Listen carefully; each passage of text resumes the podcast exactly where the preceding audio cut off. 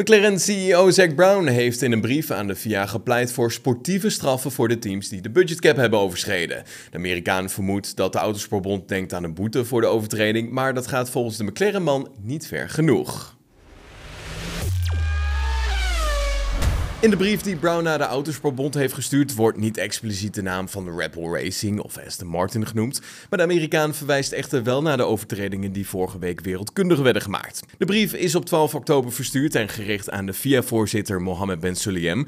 Daarnaast werden de teams die net als McLaren de budgetcap niet hebben overschreden ook voorzien van een exemplaar. Ja, afgelopen week werd bekend dat Rebel Racing een zogeheten kleine overtreding heeft begaan in de budgetcap van vorig jaar. De hoogte van de schending is nog onduidelijk en wat de straf zal volgen ook. Nou, gezien het hier om een minimale overtreding zou gaan, is de verwachting dat er wellicht een financiële straf zal volgen.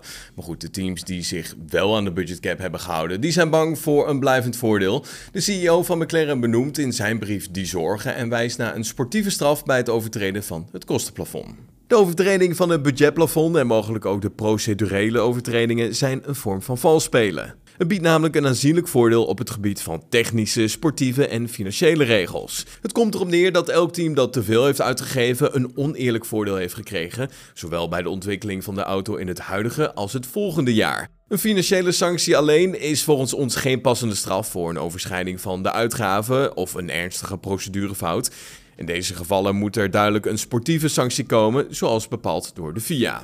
Zij komt ook met diverse oplossingen. Zo vindt hij dat het te veel uitgegeven bedrag moet worden verdubbeld. Dat bedrag dan weer voor het jaar erop van de budgetcap moet afgaan. Voor elk team dat zich niet eerder aan de limiet heeft kunnen houden. Als sportieve boete hoopt hij dat de teams die een overtreding hebben begaan 20% minder tijd in de windtunnel krijgen. En als laatste vindt de Amerikaan dat de drempel van een kleine overtreding te hoog is. Op dit moment is dat 5%, maar hij zou eerder 2,5% eerlijk vinden. En aan het einde van het jaar nemen Red Bull Racing en Pierre Gasly afscheid van elkaar. De Fransman zal na zo'n 9 jaar onderdeel te zijn geweest van het merk overstappen naar Alpine.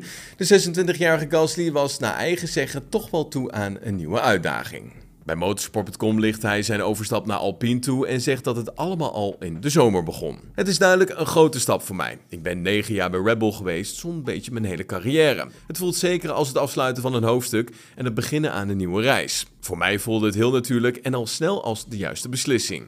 Ja, voor Pierre Gasly trok de standvastigheid en de pogingen van Alpine om hem los te weken bij Red Bull hem over de streep. Wat voor mij het belangrijkste was, laten we zeggen criteria, is hoe sterk hun wil was om mij bij Red Bull weg te halen en me in die auto te zetten. Ze maakten meteen heel duidelijk dat ze hard moesten onderhandelen. Het was geen gemakkelijke deal tussen alle betrokkenen partijen. En het voelde alsof ze echt hard hebben moeten werken om me binnen te halen. En ze geloven echt in het project. Al dus Pierre Gasly ja, goed moment om alvast het tijdenschema met je door te nemen. Want wegens de flinke tijdsverschillen met de Verenigde Staten werken we in Austin met een behoorlijk afwijkend tijdenschema. Want ja, tijdens sommige sessies wordt het zelfs nachtwerk. Op vrijdag gaan we om 9 uur pas van start met de eerste vrije training. En om 12 uur begint de tweede sessie. Op zaterdag beginnen we opnieuw om 9 uur met de derde en laatste vrije training. En de winnaar van pole position kennen we pas op de zondag, want om 12 uur start pas de kwalificatie. En de race op zondag, de Grand Prix van de Verenigde Staten, begint om 9 in de avond.